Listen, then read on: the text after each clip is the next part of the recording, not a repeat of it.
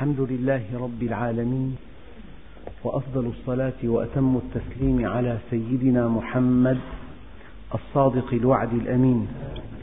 اللهم لا علم لنا إلا ما علمتنا إنك أنت العليم الحكيم.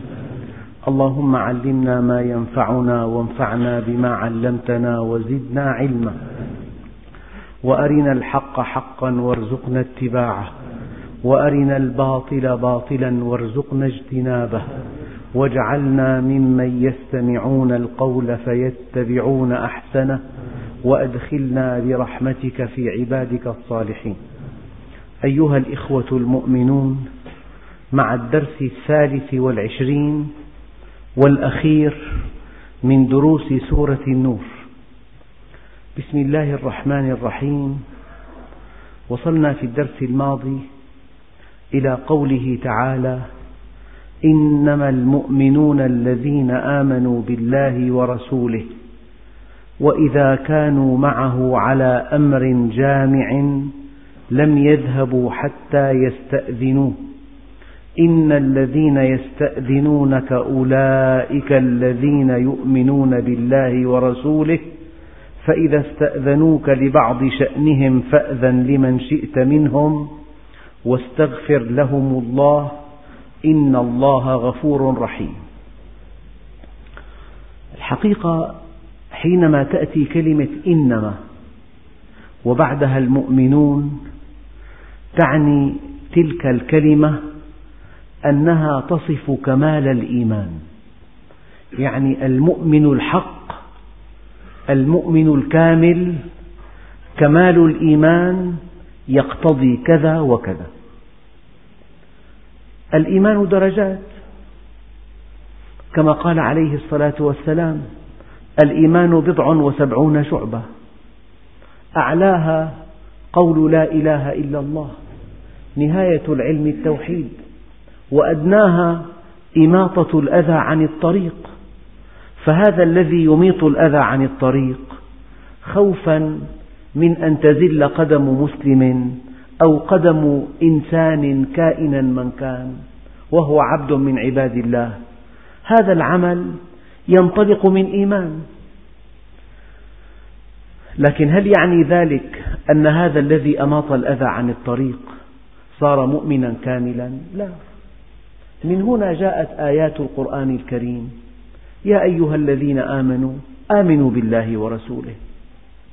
من هنا جاءت آيات القرآن الكريم. يا أيها الذين آمنوا اتقوا الله حق تقاته. إذا الإنسان على مستوى من الإيمان لا ينبغي أن يرضى به. النبي عليه الصلاة والسلام يقول جددوا إيمانكم. يعني يجب أن تسعى إلى رفع مستوى إيمانك. كلما ظننت أن هذا المستوى الذي أنت فيه جيد هناك أجود. كلما ظننت أنك وصلت إلى الهدف فأنت في غلط كبير. الإيمان له بداية ولكن ليس له نهاية. ما دام الإيمان معرفة الله عز وجل وربنا سبحانه وتعالى لا نهاية لكماله إذا لا نهاية للإيمان. كلمة إنما تفيدنا من أن على المؤمن أن يرفع مستوى إيمانه دائما. والنبي عليه الصلاة والسلام يقول جددوا إيمانكم. السؤال الآن ما الذي يرفع مستوى الإيمان؟ الحقيقة العلم والعمل.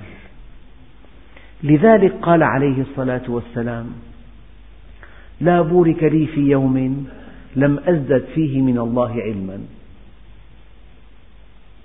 يظل المرء عالما ما طلب العلم فإذا ظن أنه قد علم فقد جهل.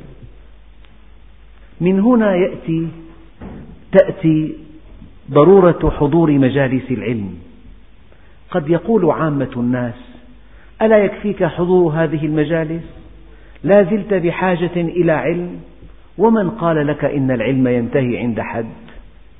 وما أوتيتم من العلم إلا قليلا. ولا يحيطون بشيء من علمه إلا بما شاء.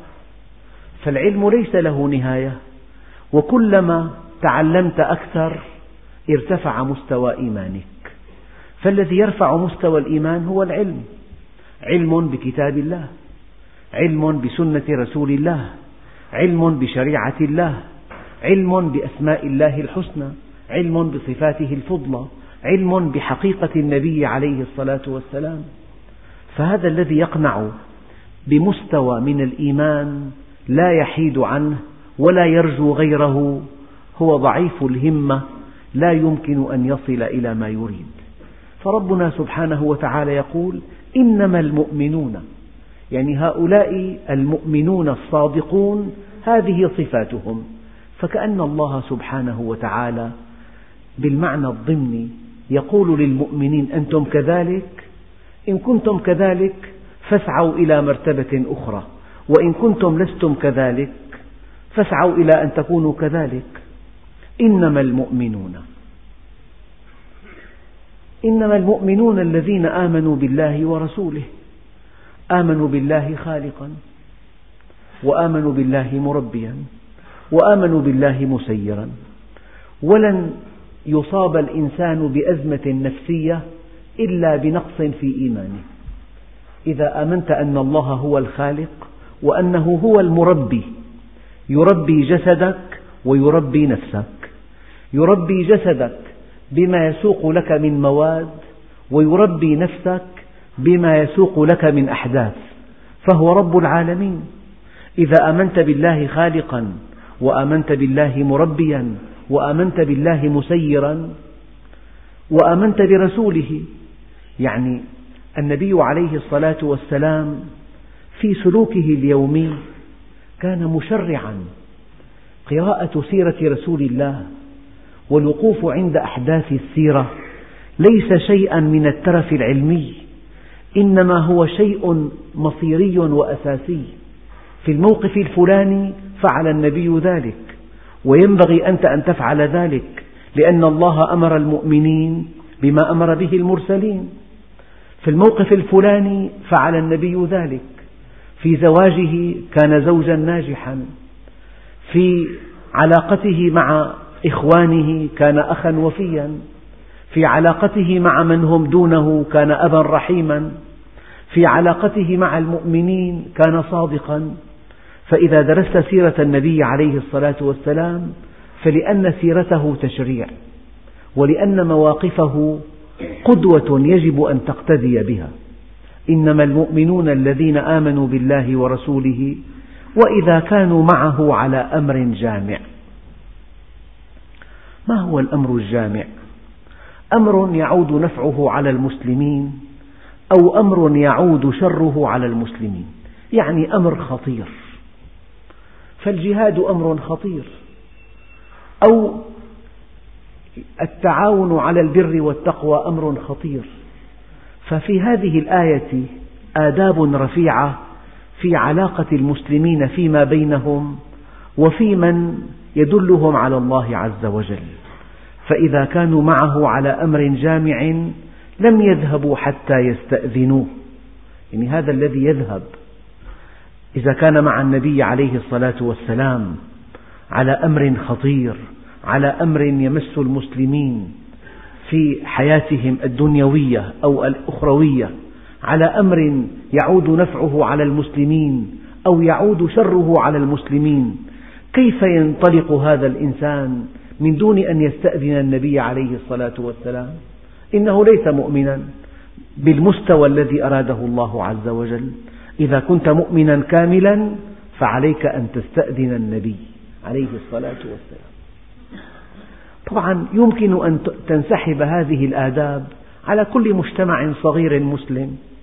على مستوى الأسرة أيعقل أن ينطلق الإبن إلى حيث يشاء من دون أن يستأذن أباه؟ أيعقل أن ينطلق الأخ الكريم وهم في مجموعة في مكان دون أن يستأذن أميرهم؟ هذا الإذن يعني ارتباط الفرد المسلم بأميره. أميره في الدنيا أو أميره في الدين. لا بد من الإذن. أساسا القوانين الوضعية تطالب الموظف إذا أراد أن يسافر أن يستأذن جهته الرسمية. لعل في هذا السفر خللا في عمله لعل في هذا السفر خطرا على يعني مستقبله. لعل في هذا السفر إضعافا للمسلمين. فهذا الاستئذان علامة رقي وعلامة نظام. والمؤمنون يسودهم نظام دقيق يعني الفوضى لا يقرها الإسلام وليست من الإسلام في شيء. لو أنكم درستم سيرة رسول الله صلى الله عليه وسلم ولا سيما في غزواته لرأيتم العجب العجاب لرأيتم كيف كان النبي عليه الصلاة والسلام ينظم الصفوف كيف كان يضع على كل مجموعة أمير كيف كان يتصل بالأمراء كيف كان ينقل الأوامر؟ كيف كان يستقبل المعلومات؟ هذا شيء من سمات الإسلام. الفوضى ليست من الإسلام في شيء. يعني هناك أمير دنيوي وهناك أمير في الدين. على كل إذا كنت عضوا في جماعة بدءا من الأسرة وانتهاء عضوا أو فرد في أمة فلا بد من علاقة تنظيمية بينك وبين أمير هذه الجماعة. هذه العلاقة التنظيمية في عهد النبي عليه الصلاة والسلام جاءت على الشكل التالي. وفي ما بعد النبي عليه الصلاة والسلام لا بد من أن يكون الذي ينوب عن النبي في أمارة أمارة الدنيا أو في أمارة الآخرة. لا بد من أن تنسحب عليه هذه الآداب. إنما المؤمنون الذين آمنوا بالله ورسوله وإذا كانوا معه على أمر جامع لم يذهبوا حتى يستأذنوا. يعني مثل بسيط. في مجموعة مؤمنة كهذه المجموعة. لو أن أخا كريما نوى أن يسافر وأعلم أخاه الذي يدله على الله عز وجل أنه مسافر فإذا غاب الأسابيع المتتالية لا يشعر هذا الذي يدله على الله أن فلان تغيب فلان لا يحضر أين هو يا ترى؟ صار عنده علم هو في العمرة أو هو في سفر ضروري. فهذا الإعلام جزء من آداب الجماعة الإعلام أو الاستئذان.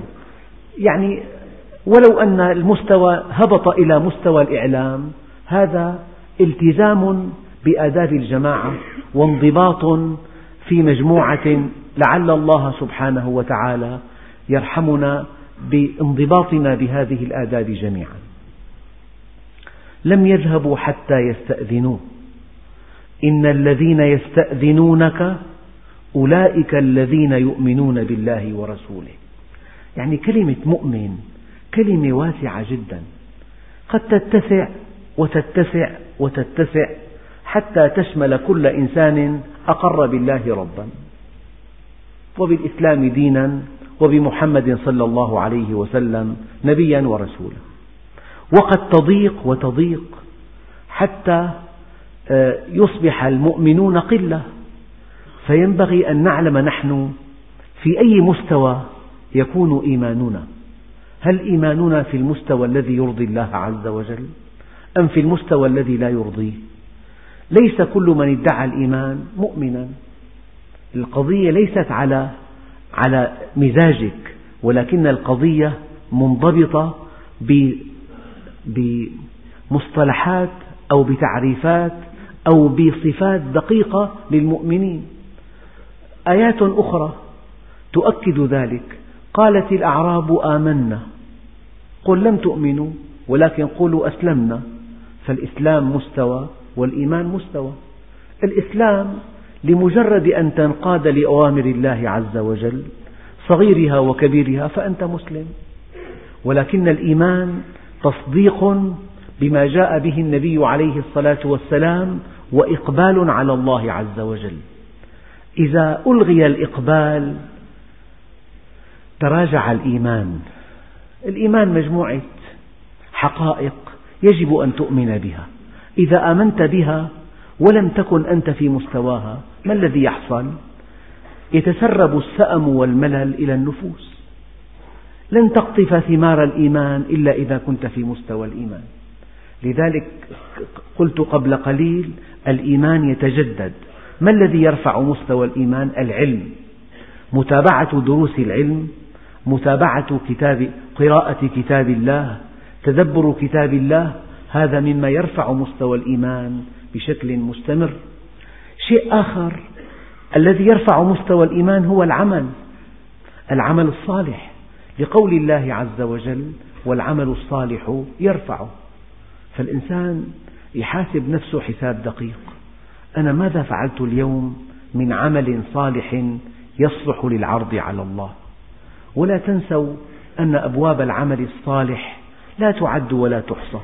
كلكم يعلم أن تبسمك في وجه أخيك صدقة. أن تميط الأذى عن الطريق هو لك صدقة. أن تفرغ من دلوك, دلوك في دلو المستسقي هو لك صدقة. أن ترشد الرجل الضال في أرض الضلال هو لك صدقة. فأبواب الخير وإنكم لن تسعوا الناس بأموالكم فسعوهم بأخلاقكم. العمل الصالح يرفع مستوى إيمانك. لماذا؟ لأنه يرفع مستوى إقبالك. فإذا عاهدت نفسك ألا يمضي عليك يوم إلا وتزداد فيه علما أو عملا عندئذ يرقى مستوى إيمانك إلى المستوى الذي يسمح لك الله به دخول الجنة. فالإيمان مثلا كما قال عليه الصلاة والسلام عفيف عن المطامع عفيف عن المحارم. هذا الإيمان. فهذا الذي يطمع فيما ليس له. أو يطمع فيما نهى الله عنه يطمع فيما ليس له عفيف عن المطامع يطمع فيما نهى الله عنه عفيف عن المحارم فهذا الذي لا يجد في نفسه عفة عما حرمه الله أو عن شيء ليس له هذا إيمانه ضعيف جدا ويحتاج إلى تجديد. هكذا قال عليه الصلاة والسلام. قال عليه الصلاة والسلام الإيمان ما وقر في القلب وصدقه العمل. فإذا كان العمل غير مصدق للقلب فالإيمان يحتاج إلى تجديد. الإيمان كما قال عليه الصلاة والسلام يسعد صاحبه فإن لم تكن سعيدا بهذا الإيمان فالإيمان أخذ طابعا شكليا أو أخذ طابعا أجوفا. يعقل أن تشقى والله معك كما قال عليه الصلاة والسلام لا يحزن قارئ القرآن. من أوتي القرآن فعلم أن أحدا أوتي خيرا منه فقد حقر ما عظمه الله تعالى. هذا لا يكون. فالقضية مصيرية قضية خطيرة. الإنسان لا يجامل نفسه. الإنسان يتهم نفسه دائما. إذا جاملها يبرك معها. فإذا كان يوم الدين رأى نفسه مسبوقا. وحينما يرى نفسه مسبوقا يتألم ألما لا حدود له. كن سابقا ولا تكن مسبوقا.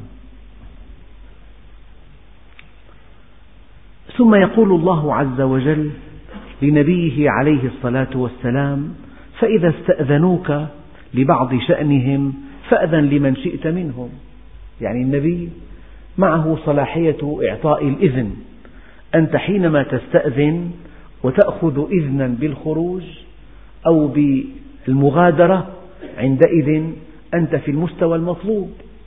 أما هذا الذي يدير ظهره ولا يلوي على شيء ولا يستأذن أميره ويفعل ما يشاء من دون استشارة من دون مشاورة من دون استئذان من دون إعلام ولو هو الحد الأدنى هذا لا ينتمي إلى المؤمنين الانتماء الذي يرضي الله عز وجل. فإذا استأذنوك لبعض شأنهم فأذن لمن شئت منهم. يروى أن سيدنا عمر رضي الله عنه استأذن النبي مرة فقال له اذهب فأنت لست بمنافق. وكأن النبي عليه الصلاة والسلام أراد أن يسمع الآخرين أن هؤلاء الذين يتسللون ويهربون من ساعات الشدة ليسوا بمؤمنين إنهم منافقون. فأذن لمن شئت منهم واستغفر لهم الله إن الله غفور رحيم. وبعدها يقول الله عز وجل يعني قبل أن ننتقل من هذه الآية هذه الآيات وإن كانت للنبي عليه الصلاة والسلام ولكن يمكن أن يتأدب بها المؤمنون مع أمرائهم الذين يدلونهم على الله عز وجل أو, أمراء أو أمرائهم الذين يتولون شؤونهم الدنيوية. هكذا قال بعض العلماء.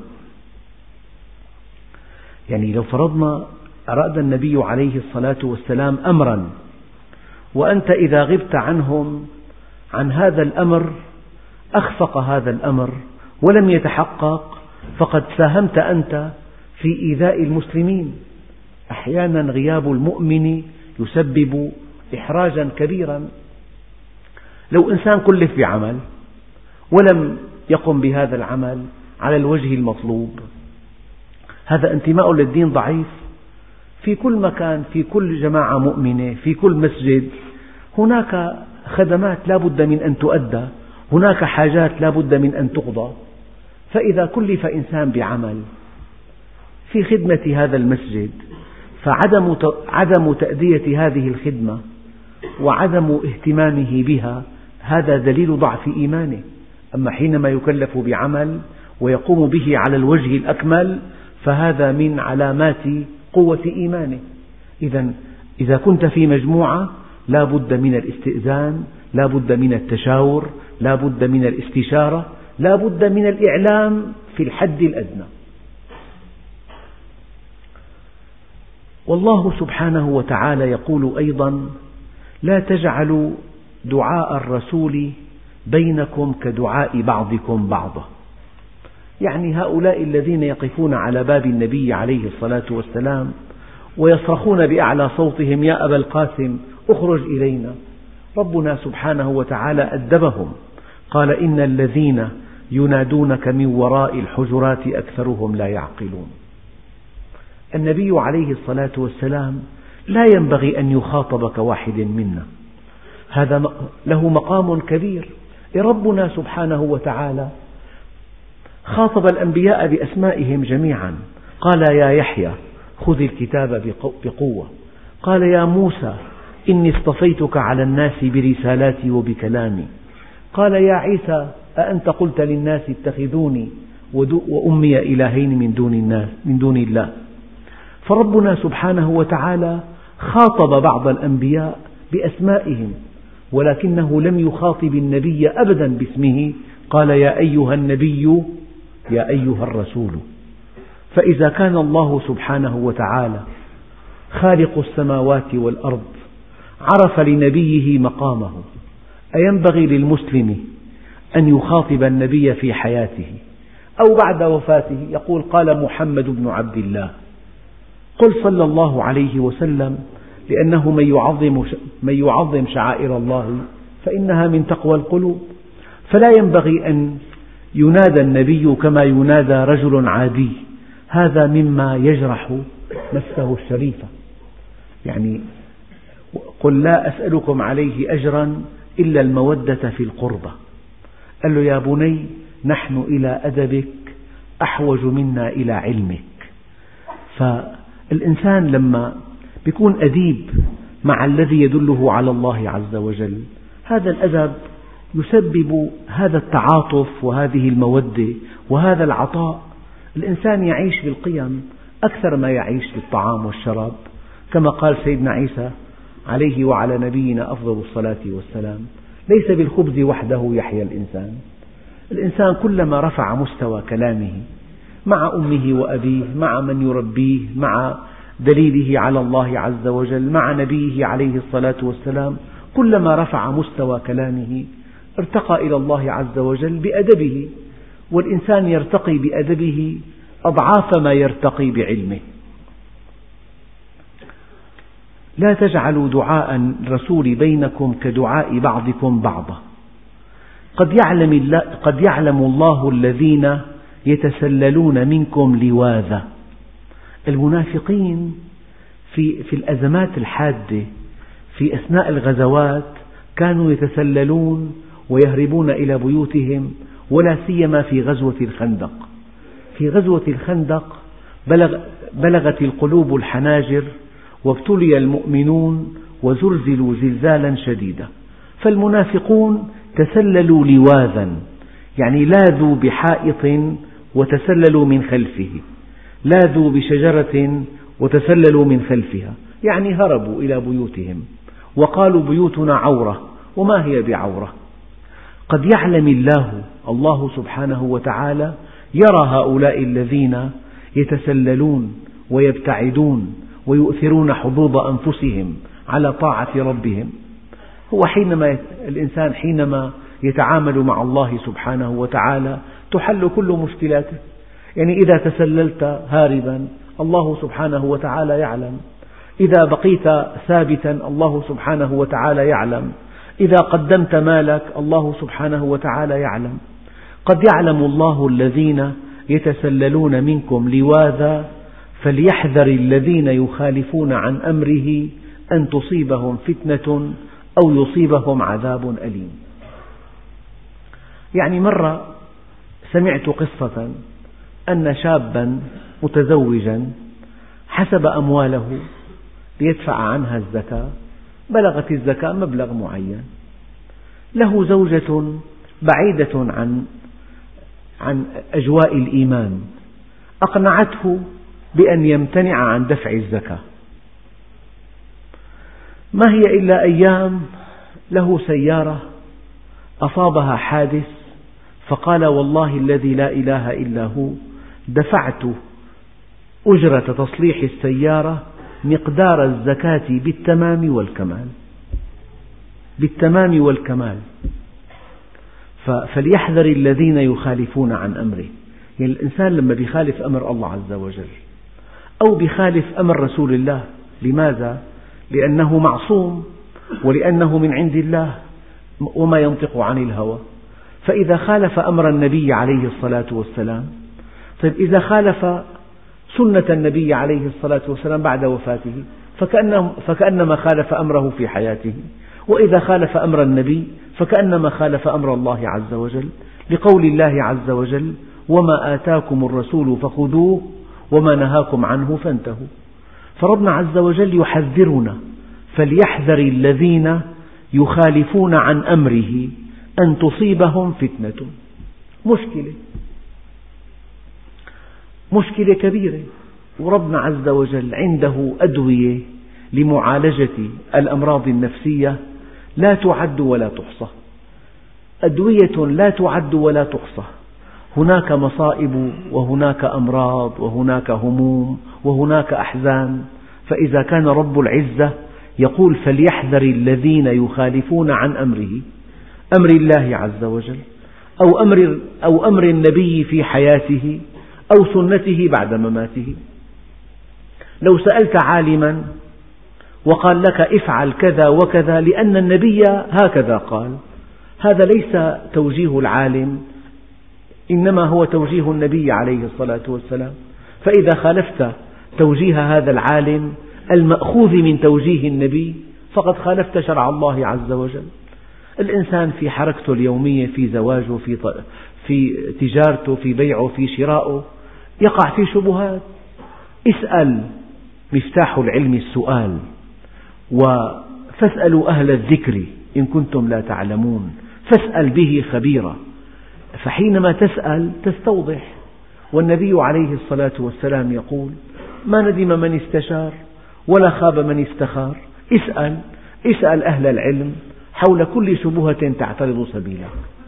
فليحذر الذين يخالفون عن أمره أن تصيبهم فتنة أو يصيبهم عذاب أليم.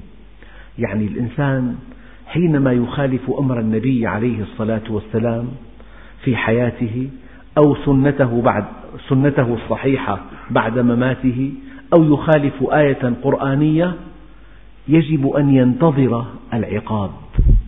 لقول الله عز وجل فليحذر الذين يخالفون عن أمره أن تصيبهم فتنة أو يصيبهم عذاب أليم.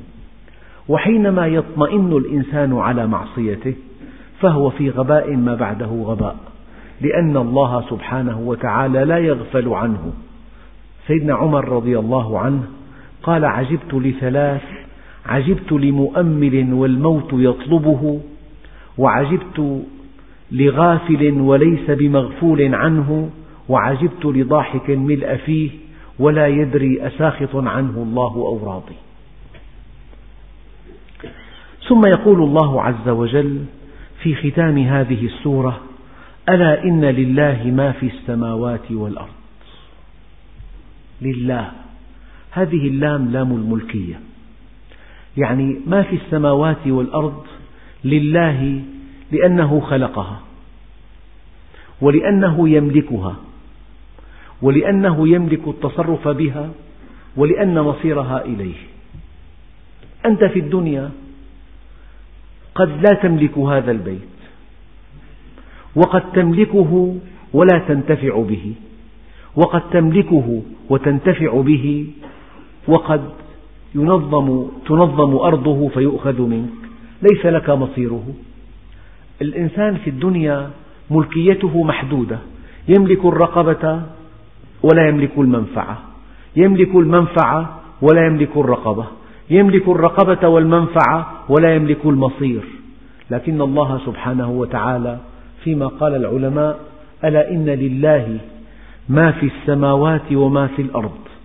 هو يملكها ويتصرف بها وإليه مصيرها.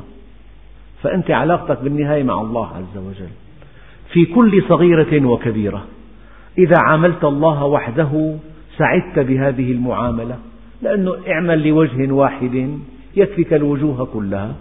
ذاكرتك عقلك أهلك أولادك حرفتك زبائنك دكانك أي شيء تعتز به هو ملك لله عز وجل. لقول الله عز وجل قل اللهم مالك الملك. حتى في بعض الأحاديث القدسية أنا ملك الملوك ومالك الملوك. قلوب الملوك بيدي. فإن العباد أطاعوني حولت قلوب ملوكهم عليهم بالرأفة والرحمة. وإن العباد عصوني حولت قلوب ملوكهم عليهم بالسخطة والنقمة فلا تشغلوا أنفسكم بسب الملوك وادعوا لهم بالصلاح فإن صلاحهم بصلاحكم. هذه, قو... هذه الآية قل اللهم مالك الملك كل شيء يملك الله مالكه أبدا. فإذا تعاملت معه وحده سعدت في الدنيا والآخرة وإذا تعاملت مع شركاء ليس لهم من الأمر شيء.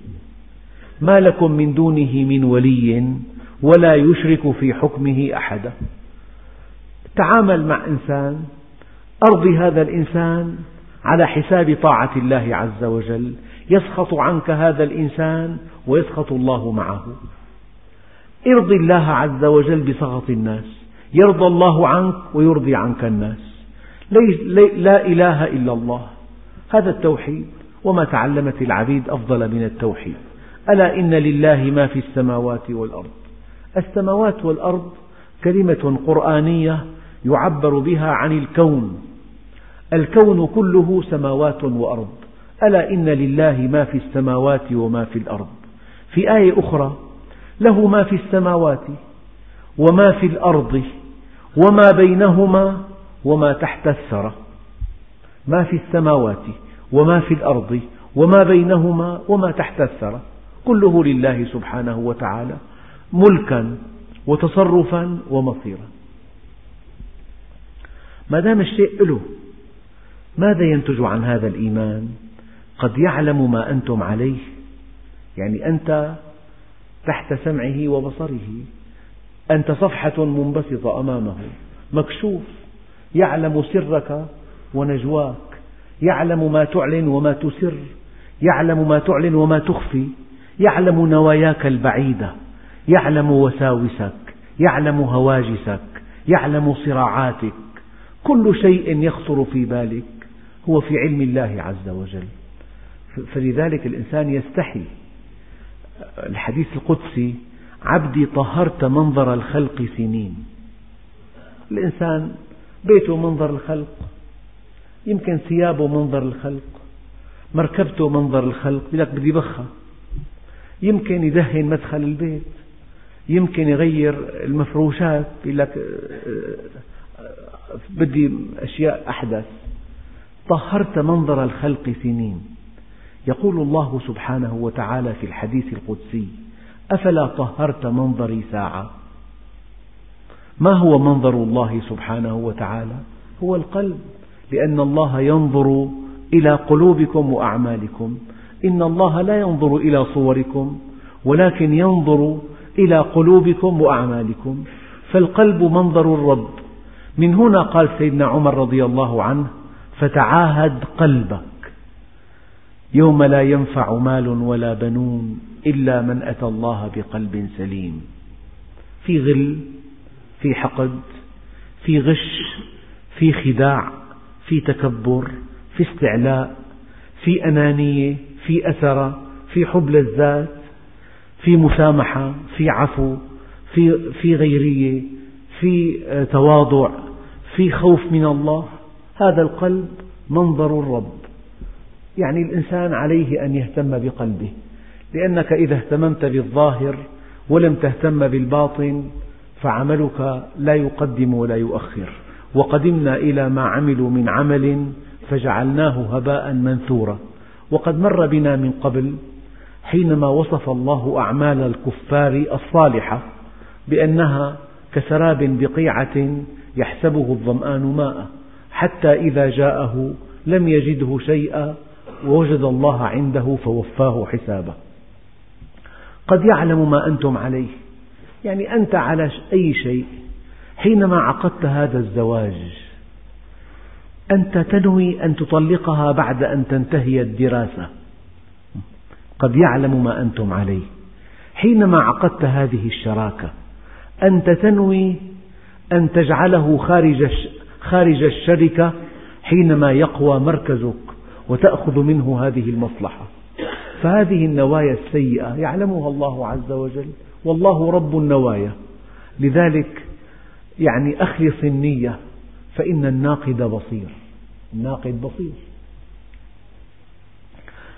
قال العلماء قد يعلم ما أنتم عليه أي قد علم.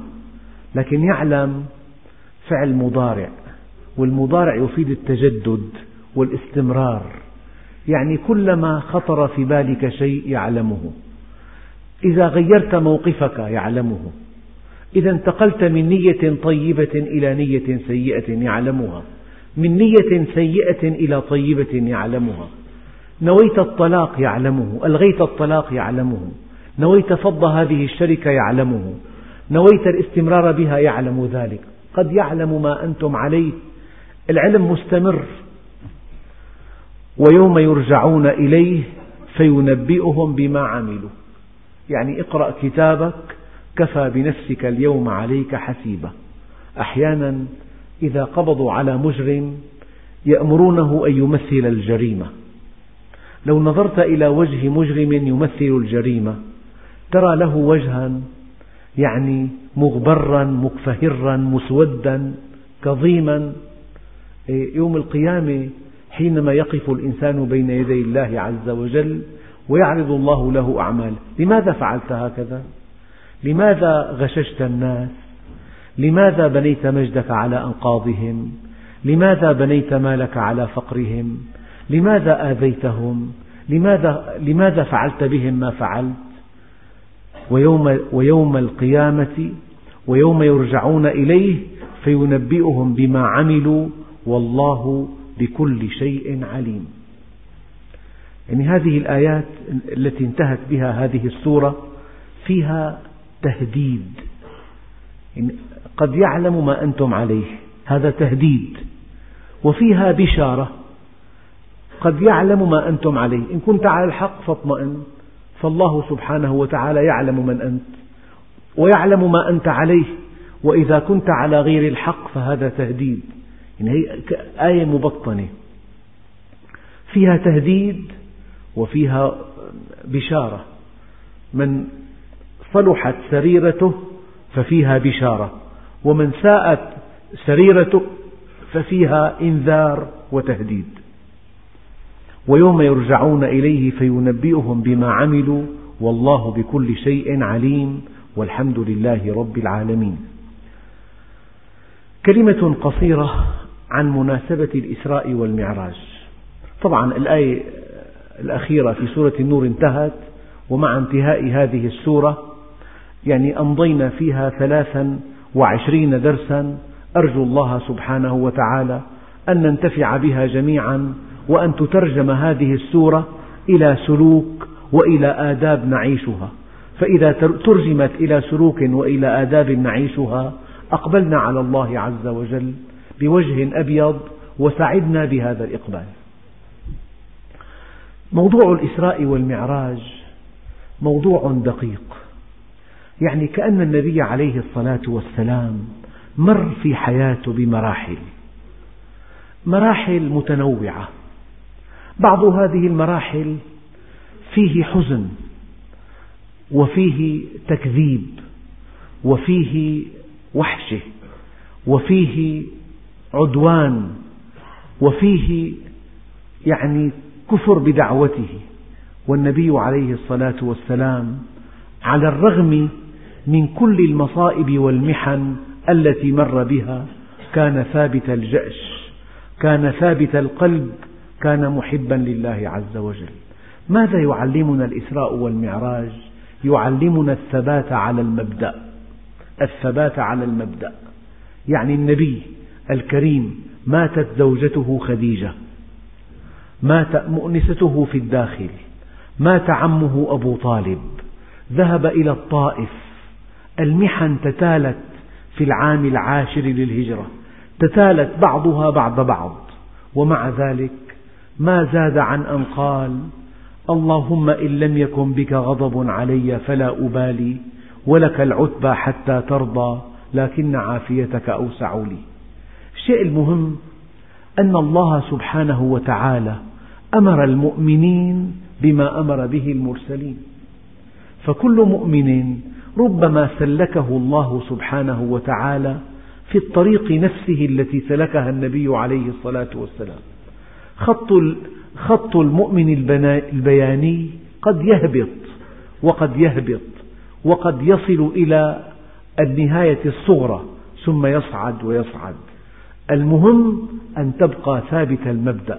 ما من قولة قالها النبي عليه الصلاة والسلام تعبر عن ثباته على مبدئه كقوله صلى الله عليه وسلم والله يا عم لو وضعوا الشمس في يميني والقمر في يساري على أن أترك هذا الأمر ما تركته حتى يظهره الله أو أهلك دونه. فبده المؤمن يوطن نفسه على أن يكون محبا لله طائعا له مخبتا إليه في كل الأحوال. في السراء والضراء في الضيق والبحبوحة في إقبال الدنيا وإدبارها في الصحة والمرض في الخوف والأمن لأن النبي عليه الصلاة والسلام مر بمواقف عديدة جدا. لكن جاء الإسراء والمعراج وكان مسحا لجراح الماضي وتطمينا لقلب النبي وإراءة لملكوت السماوات والأرض وعرف النبي أنه سيد ولد آدم وأنه سيد الأنبياء والمرسلين وأن الله رفعه إلى سدرة المنتهى حيث لا مقام بعده. وأن هذا كله ناله بمقام العبودية لله عز وجل إذ يقول الله عز وجل سبحان الذي أسرى بعبده. يعني كلما كنت عبدا لله كلما ارتفعت في نظر الله عز وجل. وكلما كنت عبدا لله كلما حققت الهدف من وجودك. والعبودية الخالصة انصياع لأوامر الله كلية ورضاء بقضائه وقدره واستسلام له وميل إليه ومحبة له. والحمد لله رب العالمين.